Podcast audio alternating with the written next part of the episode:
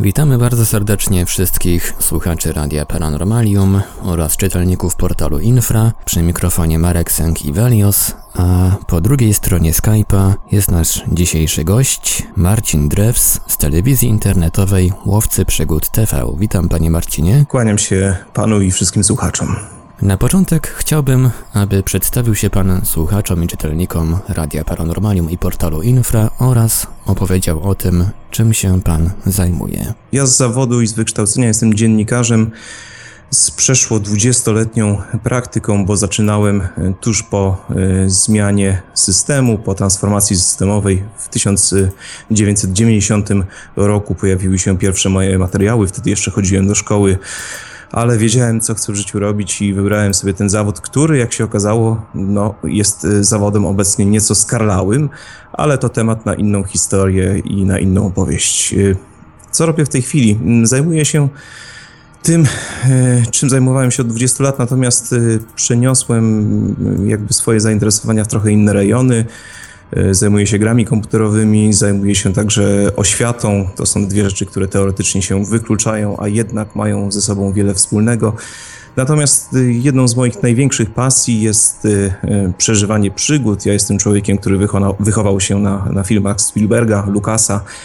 Zawsze chciałem być Indianą Jonesem, w związku z czym już jako jako młody chłopiec kopałem w pobliżu E, starych zamków, opuszczonych e, pałaców e, czy kościołów, szukając skarbów. I tak mi do dzisiaj zostało, stąd też idea portalu i telewizji internetowej Łowcy Przygód.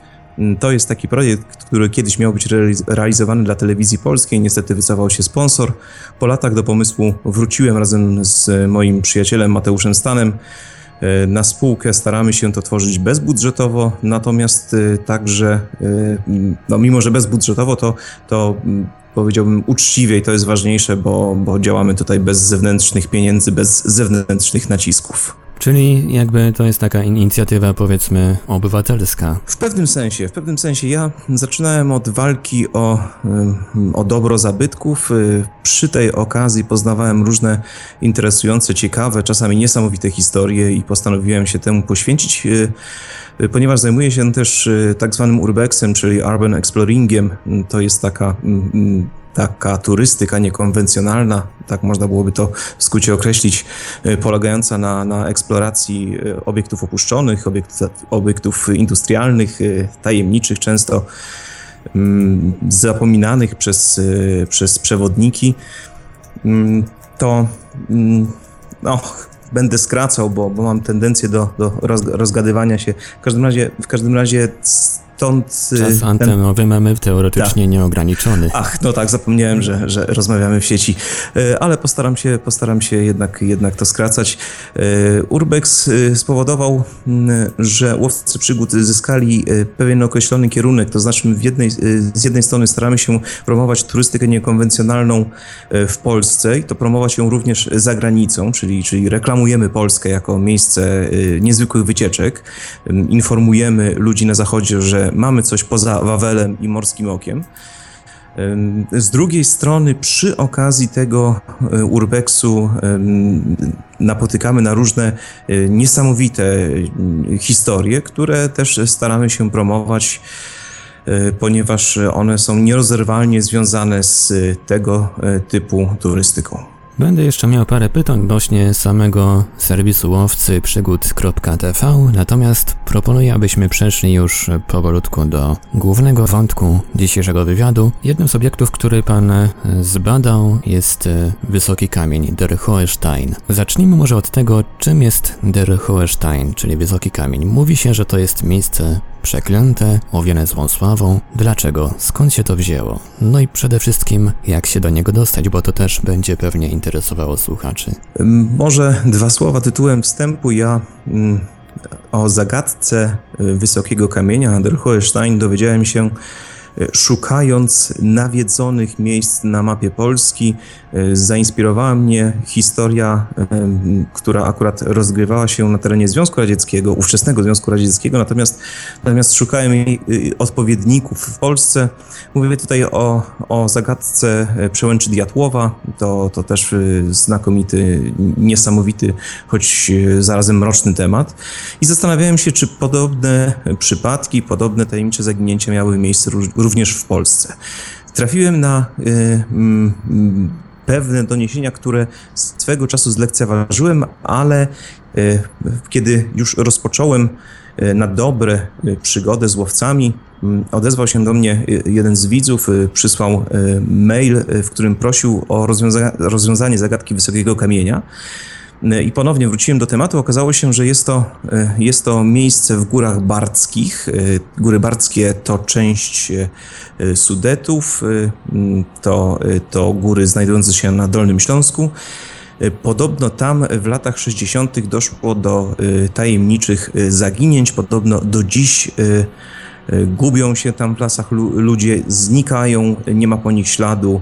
E, natomiast wszystko to e, kręci się, kolokwialnie mówiąc, wokół e, złowieszczego szczytu, właśnie nazwanego Wysokim Kamieniem. Tutaj trzeba od razu zaznaczyć, że mm, jest kilka szczytów o podobnej nazwie.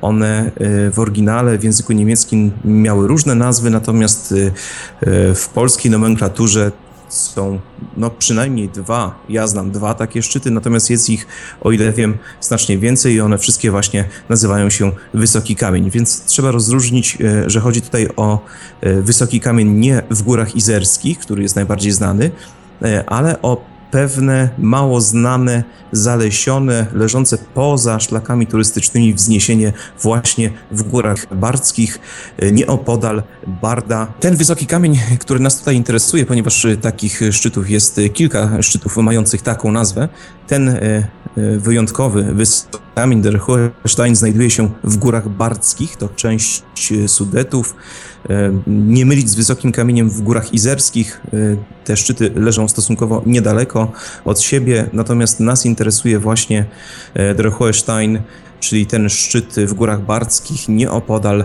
Barda, które jest wspaniałym, przepięknym, urokliwym miasteczkiem leżącym nad przełomami Nysy.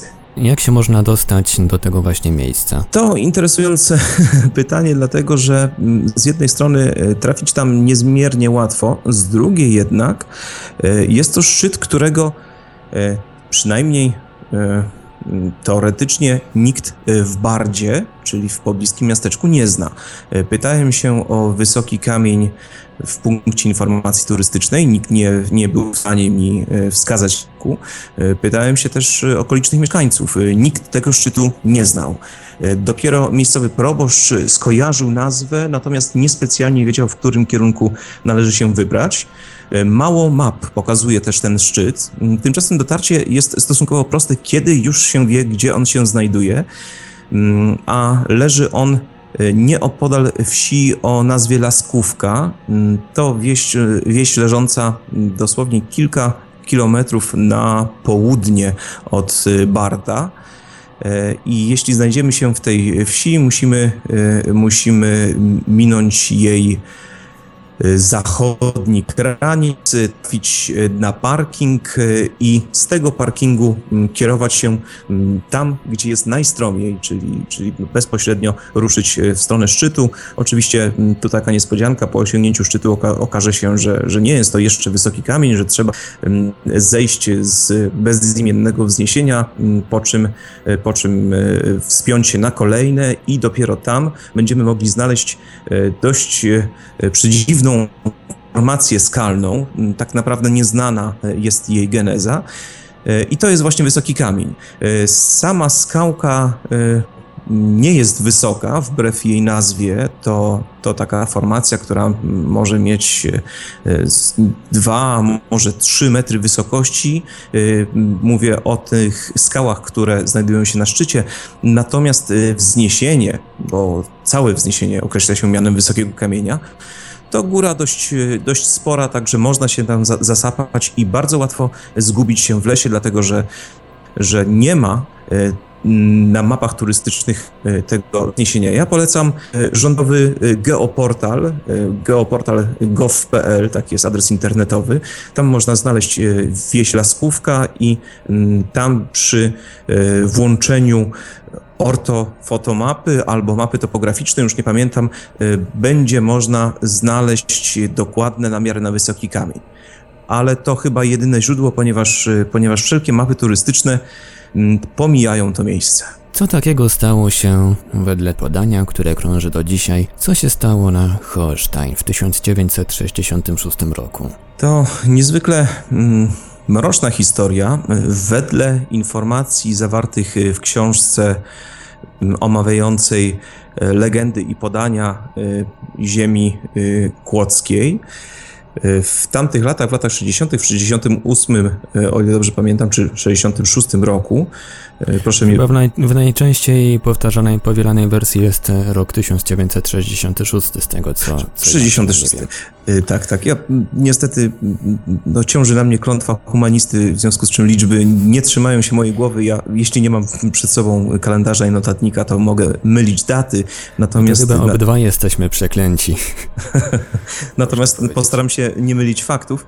Wedle doniesień zawartych w książce omawiającej legendy ziemi kłodzkiej, Otóż w 1966 roku na szczyt miała się wedle, przynajmniej wedle doniesień zawartych w książce o, o ziemi ząbkowickiej i o ziemi kłodzkiej, miała się tam wybrać grupa nastolatków E, z miejscowej wsi. Mm, oni z kolei mieli słyszeć e, legendy mówiące, iż e, szczyt jest nawiedzony, że za dawnych czasów był miejscem pogańskich kultów, natomiast w czasie II wojny światowej najemnicy z SS mieli tam odprawiać równie pogańskie rytuały. Nastolatkowie ci mm, postanowili mm, wdrapać się na szczyt nocą, E, i spróbować wywołać ducha, czy też duchy. Mm, rozpoczęli seans, kiedy już byli pewni, że, że nic to nie da. Podobno nagle, nagle w lesie zaległa cisza, potem zerwał się wiatr, usłyszeli czyjeś kroki. Jakaś postać zaczęła biegać wokół obozowiska. Przerażeni chłopcy Mm, uciekli z tego miejsca, dobiegli do wsi Laskówka. Okazało się, że, że dwóch z nich e, zdążyło zaginąć. E, pozostali dwaj, bo ich było e, cztery, czterech, pozostali dwaj mm, zgłosili ten temat mieszkańcom. Mieszkańcy z kolei wezwali milicję, mm, poszukiwano tych chłopców. Niestety nie udało się ich znaleźć. E, pozostałej dwójcy natomiast e, zaczęły się e, śnić koszmary. Podobno widzieli w nich demona o imieniu Argarot i mm, mieli wizję śmierci. Po krótkim czasie obaj też zniknęli. I mm, mimo, że brzmi to trochę jak taka popkulturowa mieszanka Blair Witch Project i, i nie wiem, być może właśnie historii z przełęczy Diatłowa, E, to autor, który podawał tę informację, pisarz e, zajmujący się właśnie e, ziemią kłodzką, ziemią ząbkowicką. Znane jego nazwisko? Ja w tej chwili nie, nie przypomnę sobie, dlatego że tak naprawdę tych autorów było troje, to było dwóch mężczyzn i kobieta. Natomiast sytuacja jest o tyle dziwna, że o ile w, na stronie Barda jest podana ta trójka z imienia i nazwiska, o tyle trafiłem na informację, że tylko jedno z nich, czy też jeden z nich, bo chodzi tu o mężczyznę, występuje na spotkaniach bibliotecznych jako, jako autor. Co ciekawe, y, źródła w sieci różnią się też y, w kwestii tytułu samej książki, a sami autorzy podają, to jest właśnie ciekawe, bo sami autorzy podają, iż książka nazywa się e, e, Legendy i opowieści ząbkowickie. Takiej książki w bibliotece znaleźć mi się nie udało, natomiast, e, natomiast trafiłem na faktycznie ich nazwiska i na książkę pod tytułem Legendy i opowieści ziemi ząbkowickiej. Niewielka różnica, ale jednak, szczególnie jeśli, jeśli się przeszukuje źródła biblioteczne i wpisuje się kompletny tytuł. Także to jest o tyle dziwne, że, że i ciężko jest y, ustalić tak naprawdę, kto jest autorem tego konkretnego doniesienia dotyczącego wysokiego kamienia. E, Ja też e, próbowałem kontaktować się z autorami, trafiłem e, na adres mailowy jednego z nich i korespondowałem z nim do momentu, dopóki nie powiedziałem, że interesuje mnie kwestia wysokiego kamienia. W tym momencie e, ów człowiek natychmiast e, przerwał ze mną korespondencję i od tego czasu się do mnie nie odezwał. Pan przeprowadził pewne takie dochodzenie w celu ustalenia, czy ta sprawa z zaginięcia na Hochstein jest e, autentyczna. Jak wyglądało to dochodzenie i do czego ono doprowadziło? Ja muszę powiedzieć, że jestem trochę jak a, agent Mulder. Ja, mm, ja chcę wierzyć, I want to believe, y, ale nie wierzę na słowo honoru, tylko wszystko sprawdzam. W związku z czym, mm, no bardzo chcąc wierzyć, że historia o Wysokim Kamieniu jest historią prawdziwą, y, sięgnąłem po źródła, na które powoływał się autor, czy też autorzy, bo tutaj jest y, w dalszym ciągu kwestia dyskusyjna, czy, czy to jest ta trójka, czy być może jeden z nich y, był akurat autorem tej konkretnej opowieści. Jakie to źródła? Y, Otóż y, y, książka rzeczy, iż, iż historia została spisana na podstawie źródeł prasowych, a w tamtych latach były tylko dwa regionalne dzienniki. To było Słowo Polskie i była to Gazeta Robotnicza. W związku z czym zacząłem od researchu bibliotecznego. E, Spędziłem kilka dni w e, Bibliotece Wojewódzkiej we Wrocławiu, przeszukując e, tomy, tomiszcza wręcz, bo, bo były to gazety formatu, o ile dobrze pamiętam, większego niż A3.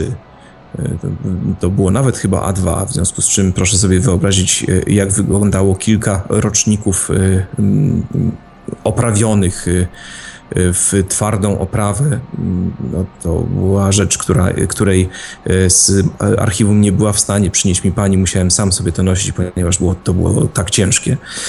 E, Spędziłem tam kilka dni, przejrzałem stronę po stronie i nie udało mi się znaleźć absolutnie żadnych doniesień mówiących o Bardzie, o Laskówce, o jakichkolwiek zaginięciach. E, W związku z czym, jako mm, redaktor naczelny, mm, ponieważ łowcy przygód są zarejestrowanym tytułem prasowym, jako redaktor naczelny napisałem oficjalne e, pismo do, e, do czynników urzędowych, do nadleśnictwa, do Urzędu Miejskiego w Bardzie i do Komendy Wojewódzkiej Policji we Wrocławiu. Warto zaznaczyć, że w momencie, kiedy jako redaktor naczelny zwracam się z oficjalnym pismem, to czynniki urzędowe muszą odpowiedzieć. E, No i nagle się okazuje, że tutaj pojawiła się przedziwna bariera. Nadleśnictwo milczy do dzisiaj. Urząd e, Miejski e, Barda milczy do dzisiaj.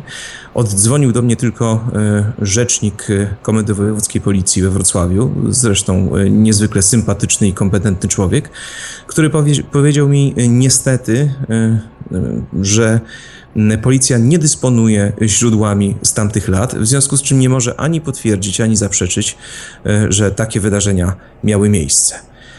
Mm, Także to tyle, jeśli chodzi o, e, o kontakt e, z urzędnikami, z urzędami, z instytucjami. Natomiast e, m, to, na co się powołują autorzy, czyli doniesienia prasowe, według mnie i według źródeł bibliotecznych nie istnieją, chyba że przegapiłem stronę, być może, nie wiem, ktoś ją wyrwał, ktoś, kto chciał tę historię zataić, ale, ale nie sądzę. Nie sądzę, poni- ponieważ do tej pracy podszedłem wyjątkowo starannie, przy okazji wyszukując masę innych ciekawych informacji, natomiast e, do końca, do ostatniej strony nie trafiając na żadne doniesienie o zaginieniach e, w Górach Bardzkich.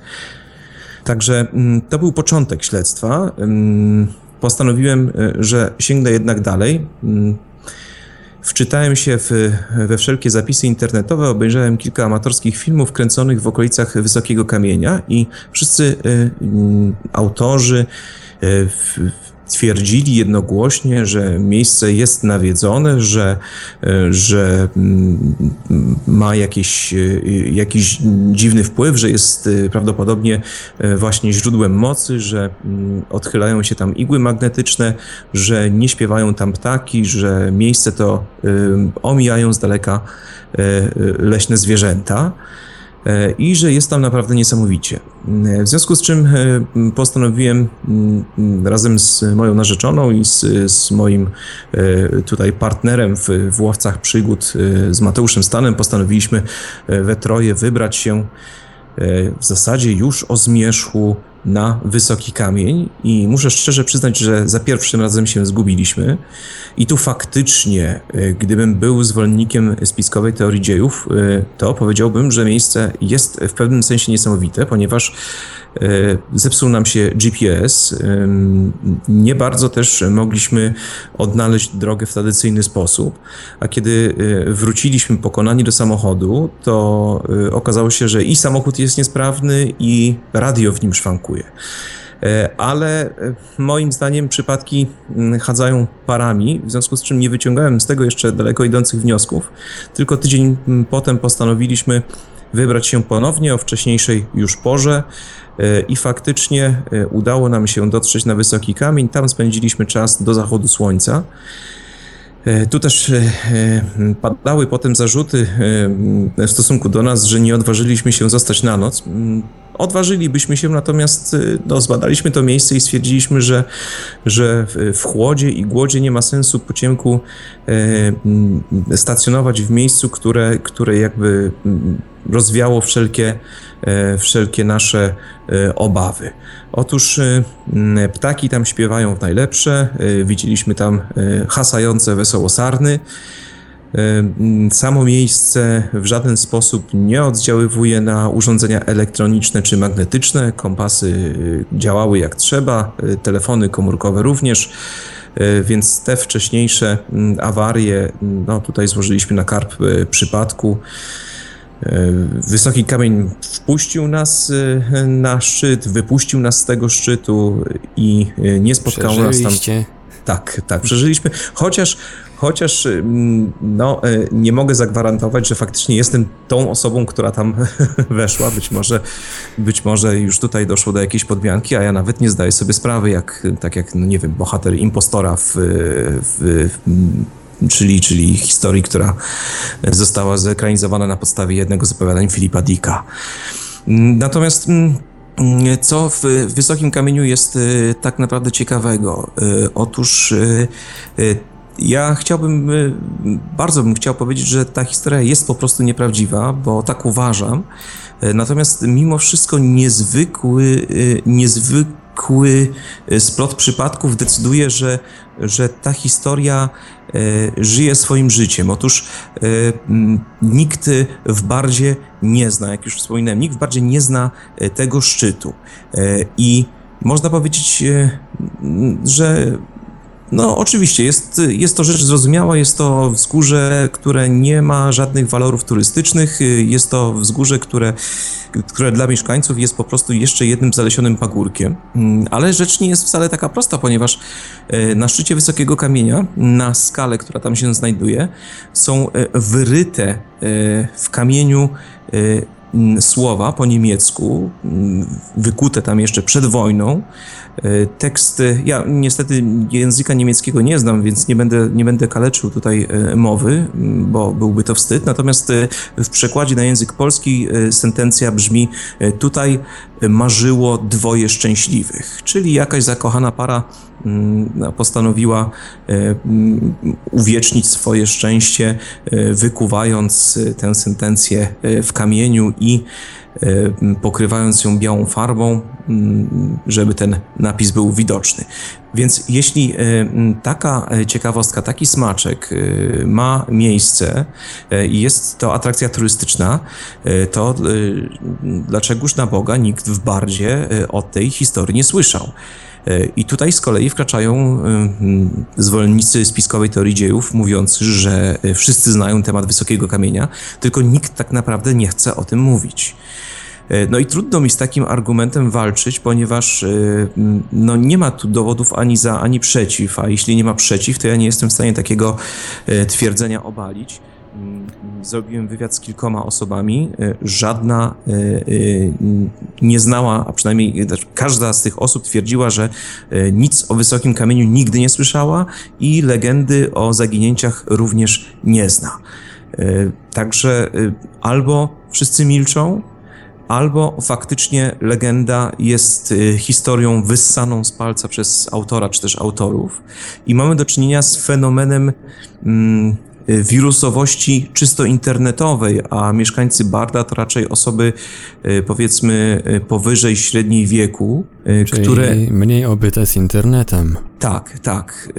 Niekoniecznie muszą to być osoby, to, to jest co prawda miasteczko, natomiast y, i to przepiękne miasteczko, natomiast y, mm, y, klimat jest tam taki lekko rustykalny, oczywiście w jak najbardziej pozytywnym tego słowa znaczeniu to jest, to jest taka ciepła, atrakcyjna, ciepła wioska i nie sądzę, żeby, mm, żeby mieszkańcy byli tam jakoś szczególnie scyfryzowani.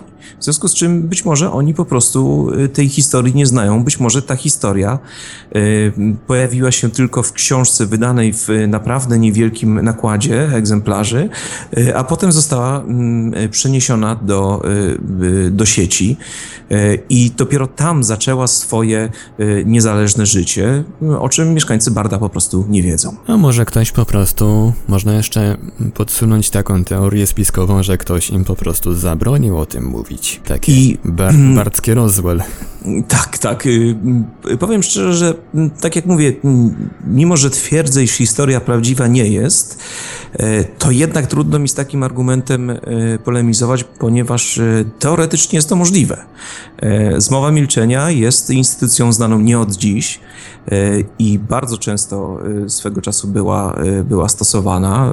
Zresztą jest wiele udokumentowanych przypadków i na świecie, i w naszym kraju że faktycznie, e, faktycznie odpowiednie groźby e, skutkowały tym, że groźby, czy, czy po prostu nawet, nawet strach skutkował tym, że ludzie potrafili milczeć i nikt nie chciał informacji ani, ani przekazać, ani sprzedać z obawy o własną skórę. Przygotowując się do nagrania dzisiejszego wywiadu, trafiłem na pewne sugestie czy też informacje, że Hochstein jeszcze przed rzekomym tajemniczym zaginięciem wykazywał jakieś paranormalne właściwości. Wspominają o tym rzekomo dawne podania i legendy. Może, może pan coś wie więcej na ten temat? Tak, są, są śmieję się, bo, bo, bo, bo legendy, o których mówimy, wszystkie y, one są znane tylko i wyłącznie właśnie z tej jednej książki. Y, I y, no jest to bardzo y, romantyczne, y, choć w taki mroczny y, sposób. Y, To jednak no, ciężko tutaj y, ciężko uznać, że, że mamy do czynienia z y, legendami y, zbudowanymi gdzieś tam na jakimś ziarnie prawdy, y, ponieważ autorzy, ci, którzy wspominają o, y, o wysokim kamieniu, jednocześnie twierdzą, że do dzisiaj w Bardzie żyją gnomy, y, a po polach poruszają się wodne demony. Mm, No, przyznajmy, że brzmi to dość niesamowicie.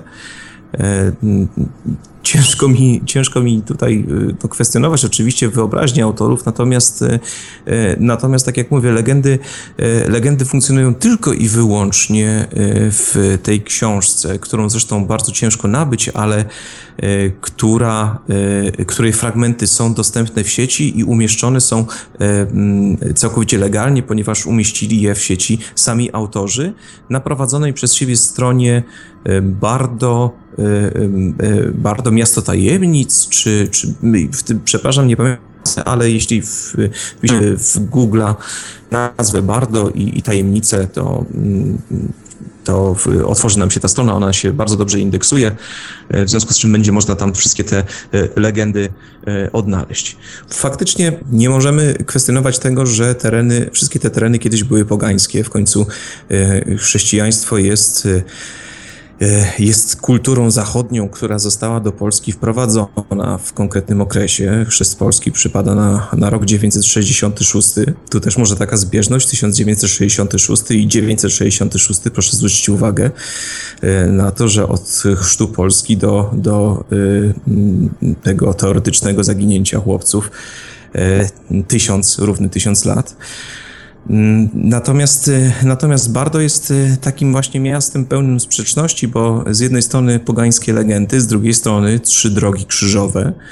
E, czy też może dwie drogi krzyżowe, a trzecia różańcowa, bo to e, jest różnica mm, tutaj subtelna między nimi. Tu niech osoby, e, osoby praktykujące mi wybaczą. Ja nie jestem akurat w tej materii osobą biegłą, więc, więc ta nomenklatura katolicka może mi tutaj trochę umykać. Natomiast to na pewno są, są, są te, te, te ścieżki uchodzące za, za miejsca kultu chrześcijańskiego. Jest też święte źródło z którego płynie krystalicznie y, czysta woda, po którą y, wędrują w góry mieszkańcy Barda i okolic. Także mamy ten mariaż legend pogańskich i takiego aktywnego chrześcijaństwa i to powiedziałbym nawet bardzo aktywnego, ponieważ przed 89 rokiem mm, Bardo było ponoć takim miejscem spotkań, spotkań Solidarności, a jak wiemy Solidarność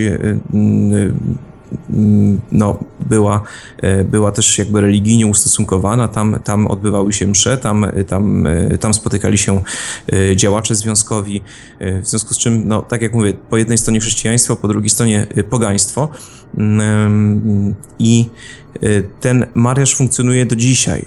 Także Barto jest postrzegane, postrzegane jako taki tygiel. Więc możemy założyć, że faktycznie są jakieś legendy, są miejsca, które prawdopodobnie były miejscami kultów pogańskich.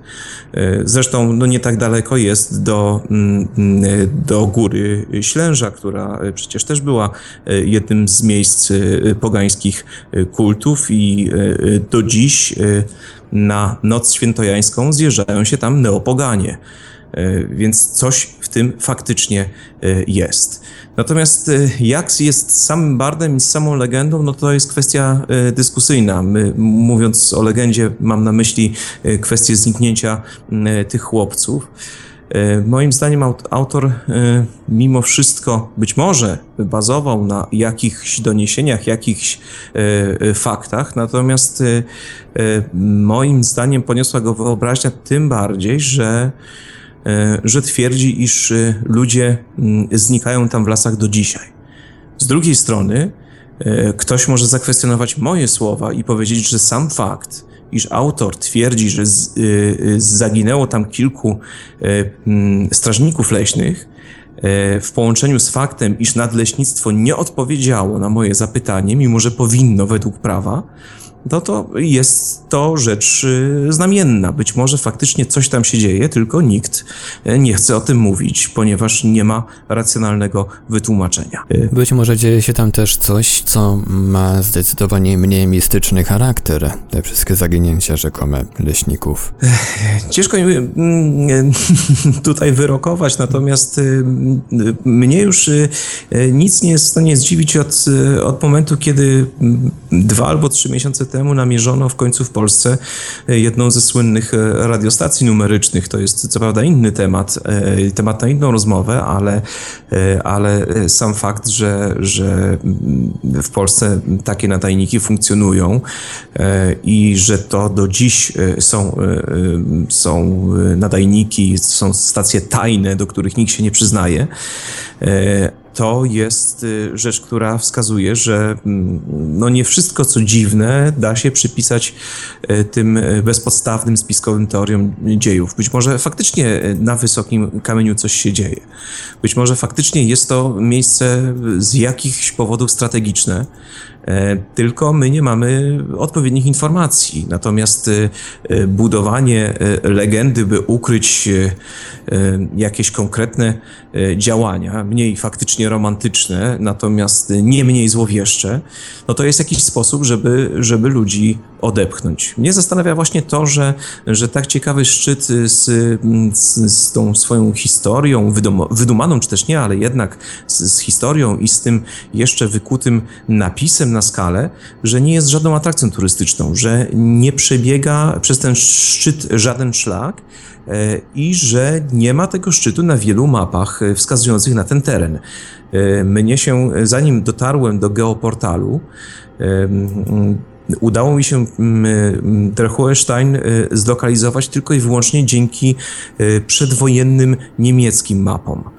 Y, bo one pokazują, gdzie, y, gdzie to wzgórze jest. A może właśnie historia zaginięć na Wysokim Kamieniu jest przynajmniej w jakiejś części oparta na faktach autentycznych? Czy może udało się panu znaleźć, natrafić przynajmniej na jakieś wzmianki o innych zaginięciach podczas tego dochodzenia? Y, niestety nie. W dalszym ciągu mnie niepokoi brak odpowiedzi z nadleśnictwa, brak odpowiedzi również z Urzędu Miejskiego w Bardzie.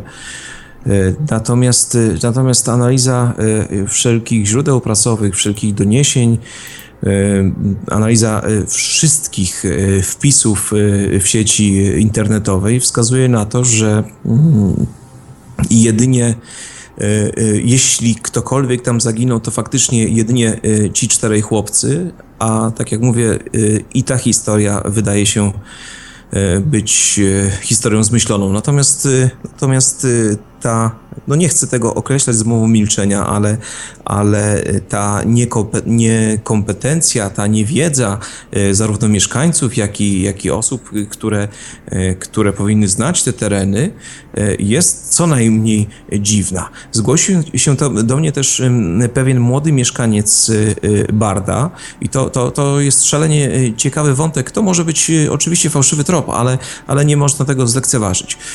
Otóż pewien młody człowiek człowiek y, do mnie mm, mm, z prośbą, bym wskazał mu trasę na Wysoki Kamień, ponieważ on kiedyś przeczytał y, o historii zaginięć, chciał się tam dostać i kiedy porozmawiał z rodzicami, mm, ci y, mieli na niego nakrzyczeć i powiedzieć mu, że nie wolno mu się tam wspinać i że nie pokażą mu, gdzie ten szczyt jest. Więc jeśli to e, doniesienie, jeśli ten mail, bo, bo, była to komunikacja internetowa, jeśli ten mail jest prawdziwy, e, no to faktycznie mamy do czynienia z czymś więcej niż tylko i wyłącznie e, wyssaną z palca historią, bo jeśli no, poprzednie pokolenie, czyli rodzice tegoż mojego rozmówcy znają tę historię i zabraniają synowi w, iść do lasu, no to tutaj już mamy, e, mamy pewien ślad. Natomiast niestety jest to jeszcze za mało, by, by wyciągać jakiekolwiek wnioski. Rozumiem, że korespondencja z tym, e, powiedzmy, świadkiem nie urwała się nagle, tak jak to miewa miejsce w niektórych przypadkach?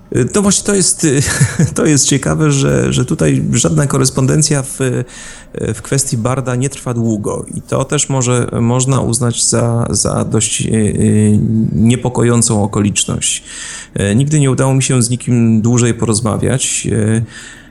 Nikt nie jest też zainteresowany wspólnym badaniem e, tego tematu, a mm, już największe moje zdziwienie mm, wywołał fakt, o którym już wspominałem, przepraszam, że, że będę się powtarzał, ale, ale, ale to, to, to wywiad, a nie E, nie czasopismo, że można spojrzeć trzy akapity w górę, w związku z czym e, tutaj dla, dla słuchaczy powtórzę, e, byłem w, w punkcie informacji turystycznej i tam o historii Wysokiego Kamienia nie wiedziano nic, albo też nie chciano mi nic powiedzieć. I to jest szalenie dziwne, ponieważ, ponieważ na stronach Barda, co prawda nieoficjalnych, ale, ale znanych, w sieci, na, na, na, na stronach, które podają tę historię, no jest, jest cały szereg tych, tych, tych doniesień i y, wydaje mi się niemożliwe, że mm, punkt informacji turystycznej absolutnie y, nie ma jakiejkolwiek wiedzy w tym, y, w tym temacie.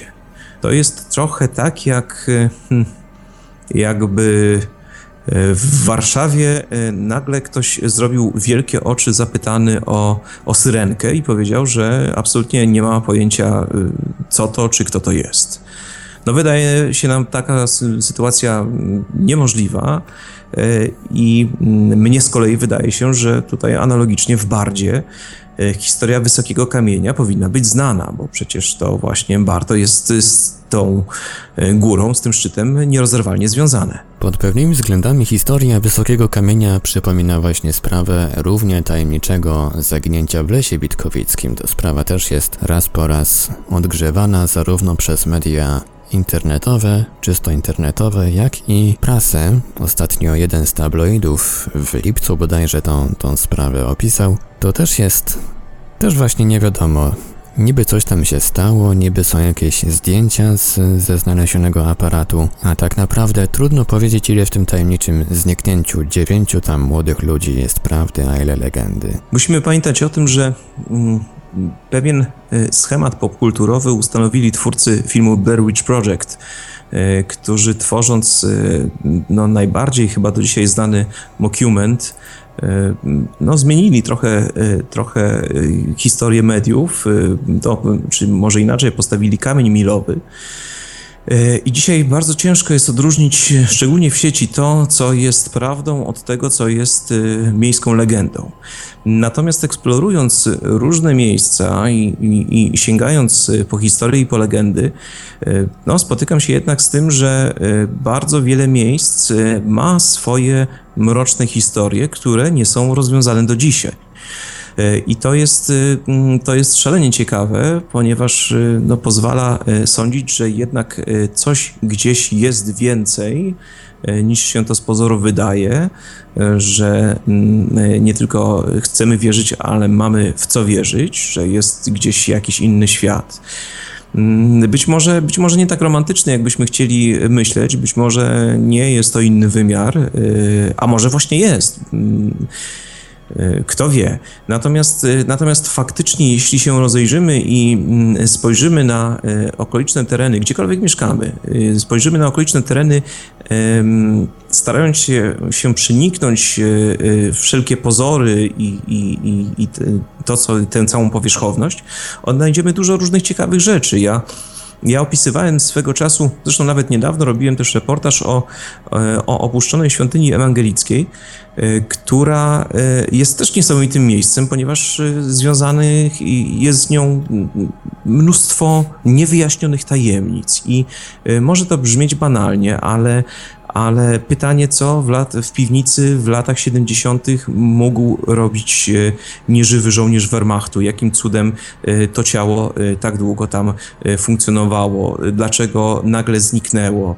Mm, co stało się z przejściem podziemnym, które pod świątynią było, a którego nikt nie może znaleźć, chociaż widać w którym miejscu było, ponieważ zawalił się strop? Dlaczego obecny właściciel obiektu twierdzi w mediach, że chce sprzedać tę świątynię, która jest ruiną, a jednocześnie, kiedy przyjechali pasjonaci tej świątyni, e, właściciel się ukrywał i nie przyznawał do tego, że, e, że mm, ten zabytek do niego należy. Jest bardzo dużo różnych dziwnych historii związanych z tym, e, z tym obiektem. Ja nie chcę w tej chwili wchodzić w szczegóły, dlatego że to jest odrębna historia. Natomiast fakt faktem, gdziekolwiek spojrzymy, jeśli postaramy się pokopać głębiej, Polska, podobnie jak inne kraje, jest miejscem pełnym tajemnic. To nie jest y, tak, że to tylko Stany Zjednoczone, że Skinwalker Ranch, że, że mm, Strefa 51, czy, czy jeszcze inne miejsca. Polska też ma swoje, y, swoje historie, swoje tajemnice. Natomiast y, jesteśmy, mimo że Polacy są narodem dość religijnym, jesteśmy jednocześnie mm, mm, w tak dużym stopniu racjonalistami, że staramy się nie dostrzegać tego drugiego dna. I o tym swego czasu pisał nieżyjący już badacz zjawisk paranormalnych Wiktor Farkas, który e, opowiadał e, niesamowitą historię. Otóż na pewnym zjeździe astronomów to jakiś, jakaś duża konferencja naukowa była na zachodzie, e, ktoś nagle krzyknął, panowie, e, za oknem jest UFO. E, I proszę sobie wyobrazić, że nikt z tych astronomów nie odwrócił głowy, e, ponieważ e, no, żaden z nich się nie odważył. Każdy był w 100% racjonalistą. Gdyby którykolwiek z nich odwrócił głowę, to dałby wiarę temu, że istnieją cywilizacje pozaziemskie, a na to żaden z naukowców nie mógł sobie pozwolić.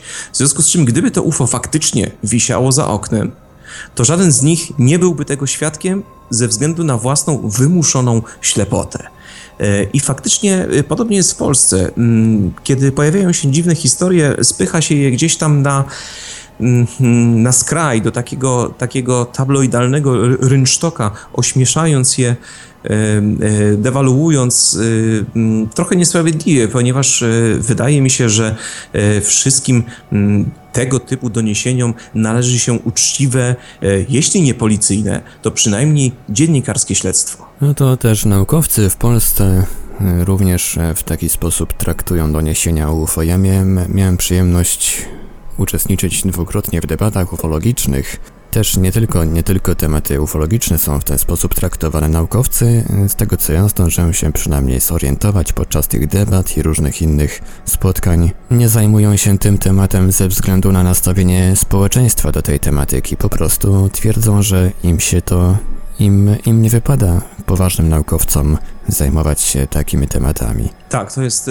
to jest problem. To jest właśnie kompleks tej wymuszonej ślepoty, o którym, o którym wspominałem. I e, dlatego no, wszelkie, e, wszelkie odkrycia to jest rzecz e, niestety czysto amatorska.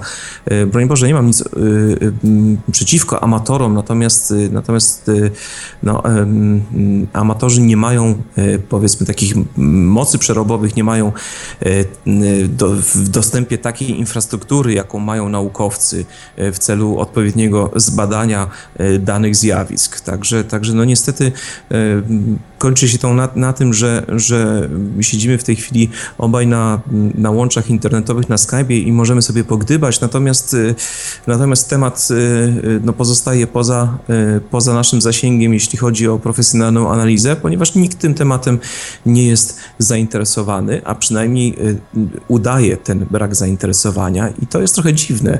To jest trochę dziwne, bo, bo mm, jeśli nawet, nawet reakcja w tej chwili, jak pomyślę, nawet reakcja policji, kiedy wspominam w, w zapytaniu, oficjalnym zapytaniu y, o czterech zaginięciach, a policja odpowiada mi, że ach, to było dawno, w związku z czym my takich informacji nie mamy.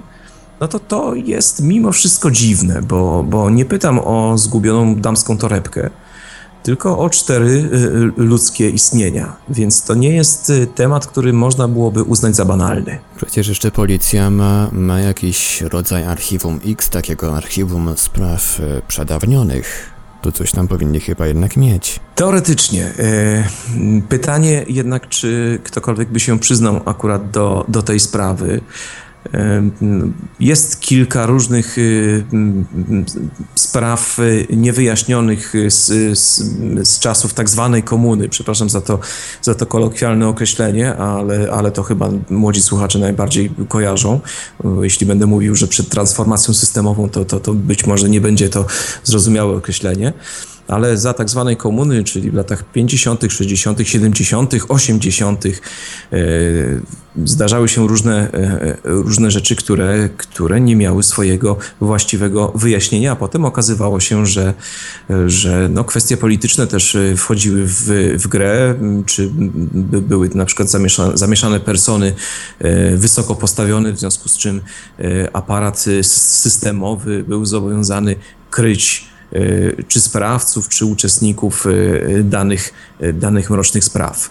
E, Być może coś takiego właśnie z wysokim kamieniem e, e, też miało miejsce. Być może, być może tam się pojawiło niewłaściwe nazwisko, czy, czy może mm, któryś z zaginionych był, e, no, był krewnym kogoś ważnego, kogoś znanego. E, Wtedy takie sprawy wyciszano. E, No ale tak jak mówię, możemy sobie tylko pogdybać. To, co moglibyśmy jeszcze zrobić, to próbować nawiązać kontakt z autorami ponownie, e, ale no nie liczyłbym tutaj na wiele. Także pozostaje, no nie powiem czekać na rozwój wypadków, bo od 66 roku no to minęło już wiele czasu, natomiast y, no bardzo bym chciał, żeby zajął, zajął się ktoś y, tematem i, i żeby to był ktoś, kto dysponuje stosownym budżetem, no bo nie czarujmy się, badania y, no pociągają też za sobą y, pewnego rodzaju koszta. Y, No już w w moim przypadku sam wyjazd, no to jest kwestia, kwestia dni wolnych, kwestia benzyny, kwestia researchu, to, to, to wszystko się jakby przekłada na, e, na konkretne koszta. A w momencie, kiedy, kiedy takie śledztwo podjęłyby czynniki, które mm, są budżetowane i mają pieniądze na, na takie wydatki, no to w tym momencie, w tym momencie nic nie stoi na przeszkodzie, żeby na przykład wynająć 10 czy 20 ludzi, którzy będą e, sprawdzać źródła biblioteczne w całej Polsce, którzy, którzy dotrą też do archiwów policji i, i należycie to wszystko sprawdzą. Na pewno, na pewno no, taka siła poradziłaby sobie lepiej niż, y, niż ja sam. E, No bo cóż może jeden człowiek, non her- Herkules contra plur- plures, przepraszam, jak mówi przysłowie, więc, więc my, to jest tak, że to, czego ja sam nie mogę, to grupa zorganizowana być może byłaby w stanie osiągnąć. Wysoki Kamień nie jest jedynym nawiedzanym rzekomo przez duchy miejscem w rejonie Bardo i w ogóle w, na Dolnym Śląsku. Gdzie jeszcze powinni udać się poszukiwacze strachów? Mam tutaj przed oczami pana artykuł na serwisie na temat.pl poświęcony właśnie temu kościołowi ewangelickiemu, a gdzie jeszcze można spotkać takie mroczne miejsca? To jest doskonałe pytanie, mm, natomiast e, łatwiej byłoby mi odpowiedzieć, gdyby odwrócił Pan e, mm, tę kwestię i zapytał, gdzie nie można. E, Bo Dolny Śląsk jest krainą obfitującą w tego typu historie i chyba najbogatszą pod tym względem w całej Polsce. To niezwykła kraina, bo to kraina gór, jezior, lasów, kamieniołomów, y, starych y, dziwnych kopalni, y, kraina złota, bo przecież tutaj były tereny złotonośne, kraina zamków, pałaców, opuszczonych kościołów, wielkich twierdz, tajemniczych podziemi. Y, Bardzo długo by wymieniać, y, gdzie powinno się y, pojechać na Dolny Śląsk. Skracając bardzo temat, powiem, że, że jeśli faktycznie ktoś uda się do Barda, to w promieniu niecałych 50 kilometrów będzie miał ba, chyba nawet 30 kilometrów, e, będzie miał e, Złoty Stok, i, gdzie jest e, niesamowita kopalnia złota, e, Srebrną Górę, gdzie, gdzie stoi Wielka Twierdza, czy samo Kłodzko, w którym też mm, stoi, stoi fort, stoi twierdza. Oczywiście dookoła jest mnóstwo przeróżnej maści zabytków. Na Dolnym Śląsku w zasadzie w każdej wiosce stoi mm, pałac, czy też zrujnowany kościół. Zamków jest co niemiara i z każdym z nich związana jest jakaś legenda. To jest, e, to jest niesamowite, bo mm, mm, brzmi to jakby to była jakaś marketingowa e, działalność zorganizowana, to, natomiast nie, to nie jest żaden wymysł ani urzędów e, wojewódzkich czy, czy, czy miejskich, tylko, tylko niezaprzeczalny fakt. Na Dolnym Śląsku zawsze działo się wiele i Dolny Śląsk obfituje w, w niezwykłe miejsca, w, w niezwykłe historie i ma też potencjał, ogromny potencjał, jeśli chodzi o dalsze odkrycia. E, Proszę sobie wyobrazić, że mm, sprawa mm, kompleksu Rize, czyli Olbrzym, e, tego słynnego e, kompleksu przepastnych nazistowskich podziemi w Górach Sowich. E, To jest temat otwarty. Ja rozmawiałem z właścicielem e, e, jednego z tych obiektów, obiektu o nazwie Włodarz, i on informował mnie, że ma już badania mm, wykonane stosownymi urządzeniami, które potwierdzają istnienie kolejnych jeszcze nieodkrytych sztolni. E, Także jest to coś, e, coś niezwykłego, ponieważ na naszych oczach e, wciąż ta historia się zmienia, wciąż ewoluuje i wciąż mamy szansę na dalsze odkrycia. Kto jest zainteresowany Dolnym Śląskiem, mm, polecam książki Joanny Lamparskiej. To e, moja koleżanka, co prawda lata się nie widzieliśmy, ale niezmiennie polecam jej pracę. E, To jedna z najbardziej znanych eksploratorek e, w Polsce, słynna poszukiwaczka skarbów. E, Ona na Dolnym Śląsku zjadła zęby, wydała mm, bodajże pięć książek. E, Ja w tej chwili mm, przypominam sobie dwa tytuły, ponieważ mam je na swojej półce z, z autografem, z dedykacją. To są Tajemnice Zamki Podziemia i Tajemnice Skarbów Dolnego Śląska. E, Te książki nabyć e, jest łatwo. Mm, One są dostępne, e, mm, dostępne w sprzedaży internetowej. Wiem, bo ostatnio sprawdzałem. Mm, Adresu nie podam, bo nie pamiętam, a, a mówię ze szczerego serca, to nie jest żadna treść reklamowa. Po prostu ja te książki przeczytałem i, i je polecam. Aśka jest bardzo dobrym researcherem i wiele tych wszystkich niesamowitych historii podaje.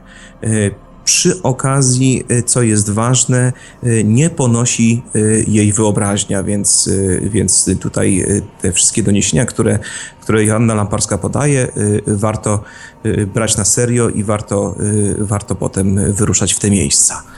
Mm, Także Polecam, polecam poza wymi- wymienionymi rzeczami, jak, jak Złoty Stok, Srebrna Góra, czy, czy Kłodzko, czy Bardo, to mamy jeszcze Ząbkowice Śląskie, które wedle e, e, pewnej teorii są, są duchową ojczyzną e, Frankensteina.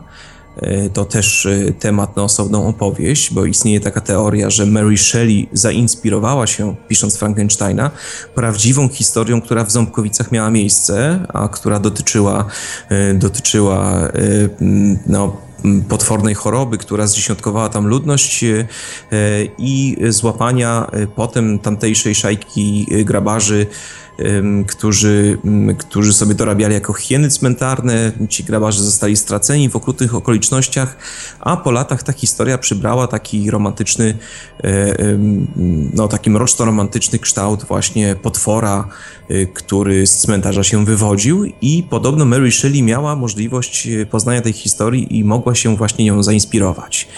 Także Ząbkowice Śląskie, y, warto dodać, że Czyli po przetwor- niemiecku Frankenstein. Dokładnie tak, właśnie, właśnie o tym chciałem wspomnieć. W związku z czym, kiedy, e, kiedy ktoś zobaczy zdjęcie mm, z podpisem, że na Dolnym Śląsku jest zamek Frankenstein, to nie jest to, e, broń Boże, e, m, żadna fantazja. Faktycznie jest to zamek Frankenstein, bo tak Ząbkowice przed wojną się nazywały.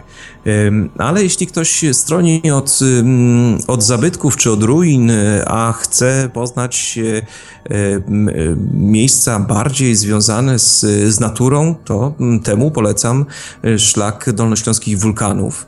E, Spośród których e, wyróżnia się chociażby e, tak zwana śląska Fujiyama, czyli Ostrzyca Proboszczowicka. To też niesamowite miejsce, ponieważ zgodnie ze swoją nazwą jest szczyt niezwykle ostry.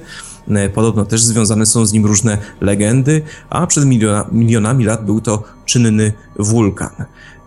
Mnóstwo jest też e, grodzisk średniowiecznych, mnóstwo jest miejsc e, pogańskich kultów e, i warto wspomnieć o tym, iż no ja nie miałem jeszcze okazji się wybrać, ale w, właśnie w czasie najkrótszej nocy w roku pasjonaci religii pogańskich spotykają się ponoć na zboczach góry Ślęża i twierdzą, że to dodaje im mocy. Mają tam ponoć odprawiać e, rytuały, oczywiście bezkrwawe, e, zgodne z, z prawami natury. Mm, Tak jak wspomniałem, nie byłem tam jeszcze, natomiast te spotkania są e, znane, dość popularne i wydaje mi się, że są niezwykłą atrakcją nie tylko dla mieszkańców Dolnego Śląska. Z takich ciekawostek jeszcze wydaje mi się, że warto, e, e, warto wspomnieć, może to nie jest e, temat bezpośrednio interesujący Radio Paranormalium, E, ale pośrednio jak najbardziej. Ja od e, lat dziecięcych jestem pasjonatem twórczości Lovecrafta. E, I, i, w ogóle e, całego weird fiction, nie tylko zresztą Lovecrafta, więc ale i nie wiem, Stefana Grabińskiego, bo przecież mieliśmy naszego twórcę weird fiction. E, I mm, w tej chwili wyszła, wyszła gra komputerowa, gra przygodowa, która zrobiła w, no, w, w rekordowo krótkim czasie y, karierę na całym świecie. To jest gra The Vanishing of Ethan Carter, zaginięcie Ethana Cartera. E, Gra stworzona przez człowieka, który urodził się na Dolnym Śląsku, przez Adriana Chmielarza, a który jest w tej chwili w top 100 of Worldwide y, Game Developers, e, czyli jest w tej, w tej, w tej finałowej setce najlepszych twórców. E, I co ciekawe, mm, inspi- y, graficzne inspiracje do tej gry to prawdziwe miejsca na Dolnym Śląsku. E, To Zalew Pilchowicki, to Tama Pilchowicka, to tunele pod, ym, tunel pod, pod górą Strzyżyk w okolicach Pilchowic, e, a także, e, a także okolice Zamku Czocha e, i o ile dobrze pamiętam, tak, i Karpacz, czyli, czyli słynna tutaj świątynia Wang, przeniesiona z, z Norwegii. Także to jest o tyle ciekawe, że, że grając y, w historię oczywiście y, fantastyczną i zmyśloną, y, odwiedzamy miejsca, które mają swoje pierwowzory y, y, w rzeczywistości. Y, I to jest niezwykle ciekawe, dlatego że chociaż y, gra mm, jest y, historią rozgrywającą się w Wisconsin, w Stanach Zjednoczonych, y, i jej zadaniem jest y, no, opowiedzenie jakiejś y, ciekawej, y, mrocznej historii, i nie reklamuje ona Dolnego Śląska, to Dolny Śląsk może się tą grą reklamować. Tak jak Nowa Zelandia reklamuje się tym, że kręcono tam Władcę Pierścieni. E, Mimo, że Władca Pierścieni nie dział się przecież w Nowej Zelandii, tylko w Śródziemiu. I tak samo tutaj, no ja po, polecam, y, polecam szczególnie artykuły w sieci pokazujące y, porównania między obrazkami z gry a, a prawdziwymi lokacjami, bo y, no, zbieżność wizualna jest, jest na bardzo wysokim poziomie i to jest niesamowite, że takie miejsca funkcjonują naprawdę. Gracze z, z całego świata oglądając te miejsca zachwycając się, zachwycają się mówiąc e, jaka wspaniała grafika, a tymczasem okazuje się, że te miejsca y, istnieją naprawdę i że oni mogą je odwiedzić. I to jest właśnie wszystko na Dolnym Śląsku. Także zapraszam y, szczególnie właśnie na Dolny Śląsk y, i zawsze odpowiadam na wszelkie pytania dotyczące tego regionu, bo to jest, to jest nieprzebrana kopalnia tematów, historii i legend. Czyli Dolny Śląsk można uznać za taką krainę właśnie mitów, legend, nawiedzonych miejsc i innych różnych ciekawych obiektów. Natomiast na koniec wywiadu chciałbym zapytać jeszcze o Pana plany odnośnie serwisu łowcyprzygód.tv. Czy coś e, szczególnie interesującego szykuje się w najbliższym czasie? Te, tematów mamy mm, całe mnóstwo. Urobieni jesteśmy po pachy, y, więc, y, więc na pewno będzie, y, będzie się wkrótce wiele działo. Jesteśmy posłowie z jednym z dużych ogólnopolskich portali, który chce nas na swój serwis Video on Demand. Em, czyli, czyli, czyli no w, tej, w tej sekcji telewizyjnej będziemy. Mm, Nie powiem, który to portal, ponieważ jeszcze nie podpisaliśmy umowy nie chcę zapeszać, natomiast, natomiast to jest jeden z trzech e, głównych ogólnopolskich portali. E, W tej chwili prawnicy przygotowują umowę e, i będziemy pu- publikować nasze, nasze materiały również tam.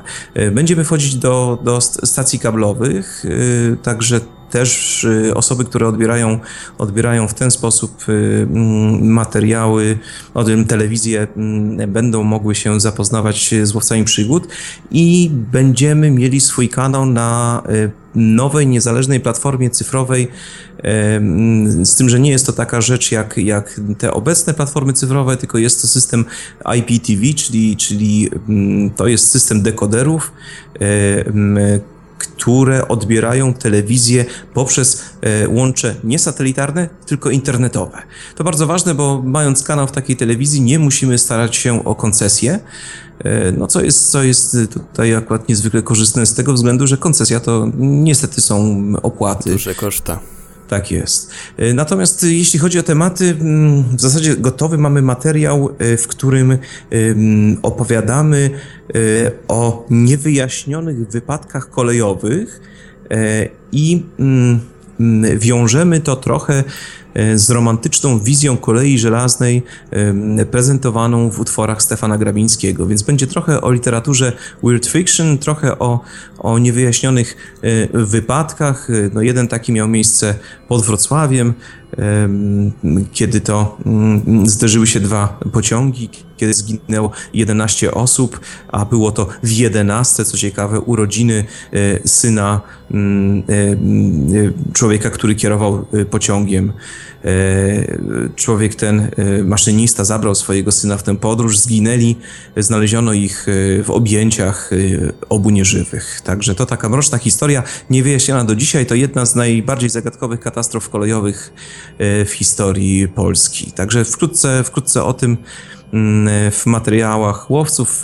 Oczywiście przypominam, y, może nie przypominam, ale, ale, ale informuję, że, że, że te materiały publikujemy oczywiście bezpłatnie. E, Nie monetyzujemy się na widzach, mamy inne sposoby na to, żeby, żeby pozyskać y, mm, jakieś skromne budżety, natomiast, natomiast to, co robimy, y, to robimy dla widzów całkowicie za darmo, ponieważ chcemy się dzielić y, i swoją wiedzą, i swoimi odkryciami, i swoimi pasjami. Myślę, że te niewyjaśnione wypadki kolejowe i różne inne sprawy poruszane na łamach łowcyprzygód.tv mogą też stanowić świetny materiał do kolejnych wywiadów. Będzie mi bardzo przyjemnie. Ja mm, nie tylko, nie tylko polecam łowców, ale, ale, ale pozdrawiam e, wszystkich i twórców, i słuchaczy Radia Paranormalium i portalu Infra. Mm, Oczywiście pozdrawiam także w imieniu e, tutaj mojego kolegi, bez którego łowców przygód by nie było, w imieniu Mateusza Stana, który tutaj być w tej chwili nie mógł, ale który jest z nami duchem. To tak trochę a propos wysokiego kamienia. Na tym będziemy kończyć dzisiejszą audycję. Naszym gościem Radia Paranormalium i portalu Infra był Marcin Drews z serwisu łowcyprzygód.tv. Dziękujemy bardzo serdecznie Panie Marcinie. Dziękuję i do usłyszenia. Pozdrawiam. Dziękujemy i do usłyszenia. Produkcja i realizacja Portal Infra pearl.